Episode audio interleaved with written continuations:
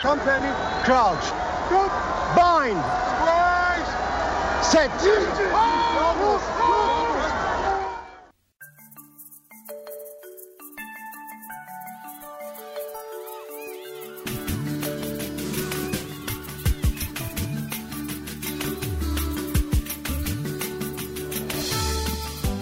Die Rugby Wêreldbeker van 1999.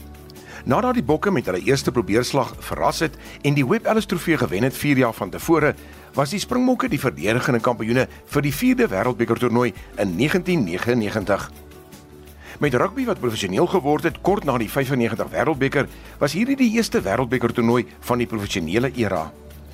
Die gasheernasie was Wallis, wat hulle splinternuwe Millennium Stadion in Cardiff aan die wêreld tentoongestel het maar die meeste van die wedstryde was gedeel tussen Engeland, Frankryk, Skotland en Ierland. Die aantal mededingende spanne is ook uitgebrei tot 20 spanne wat verdeel was in 5 groepe van 4 spanne elk. Suid-Afrika se voorbereiding was vertroebel deur die omstandigheid toe die afrigter Nick Mallet 'n bom laat bars het deur die weglating van die langdienende kaptein Gary Teichman en met die insluiting van 'n onfikse Bobby Skinstad. Mallet besluit om die kaptein se armband aan Joost van der Westhuizen te gee. Maar tydens die toernooi sou dit duidelik word dat die afrigter se keuse 'n fout was. Hy was nooit volkomme fiks nie, dis nou van 'n Westhuizen.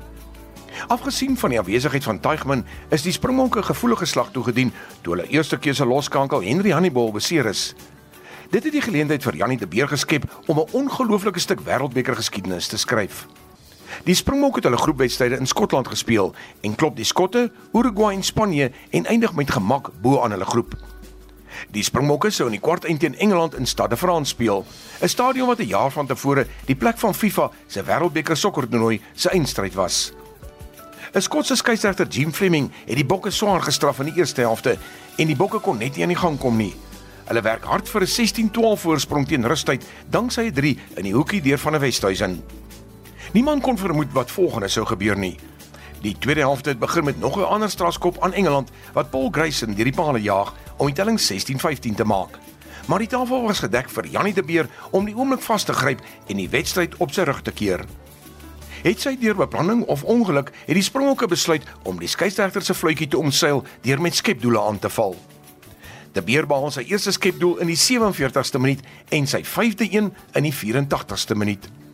Voor dit het niemand in die geskiedenis van die spel meer as 3 skepdoele in 'n toets behaal nie. Nou staan De Beer op 5. De Beer drop goal. Number 5. Unbelievable scenes. The South African fans are on their feet. That is five drop goals in this quarterfinal for Jannie De Beer. Hy slaag ook met 5 strafdoele en 2 doelskoppe om 'n rekord daar te stel van 34 punte en die Bokke se oorwinning was 44-21. Suid-Afrika was deur na die halfeind en sou teen die Wallabies op Twickenham speel terwyl die All Blacks en Frankryk kragte sou meet. Met Matt Burke op vorm met sy stelskopwerk was die Wallabies 18-12 voor voordat die Beer sy vierde strafdoel en 'n skepdoel behaal om die telling 18-15 te maak. Op daardie punt is aangekondig dat daar net 2 minute oor was om te speel maar die skeieregter Derek Bevan laat meer tyd toe. Weer val die fokus op die beer toe hy met 'n sterk wind 'n strafdoel behaal en die bokke in die wedstryd hou en in die toernooi. Sake is gelykop vir 'n tweede keer by die Wêreldbeker en die bokke is betrokke by ekstra tyd. Even the baggage masters in on the game here. Umpy on the field. Here's the kick from De Beer.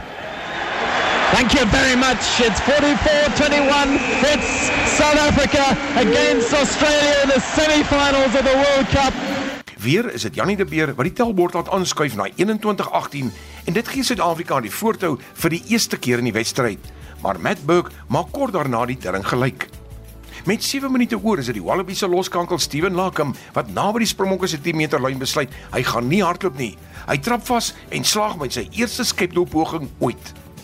Die Wallabies was 24-21 voor en paniek is duidelik sigbaar by die Bokke. Van der Westhuizen word gestraf toe hy die bal agter die Wallabies skrim optel omdat hy gedink het die bal is uit. Burke skoolkop en slaag met sy agste strafdoel en skop die Wallabies daarmee tot in die eindstryd 'n week later in Cardiff. Die volgende dag lewer een van die grootste verrassings, maar ook skouspelagtige wedstryde op.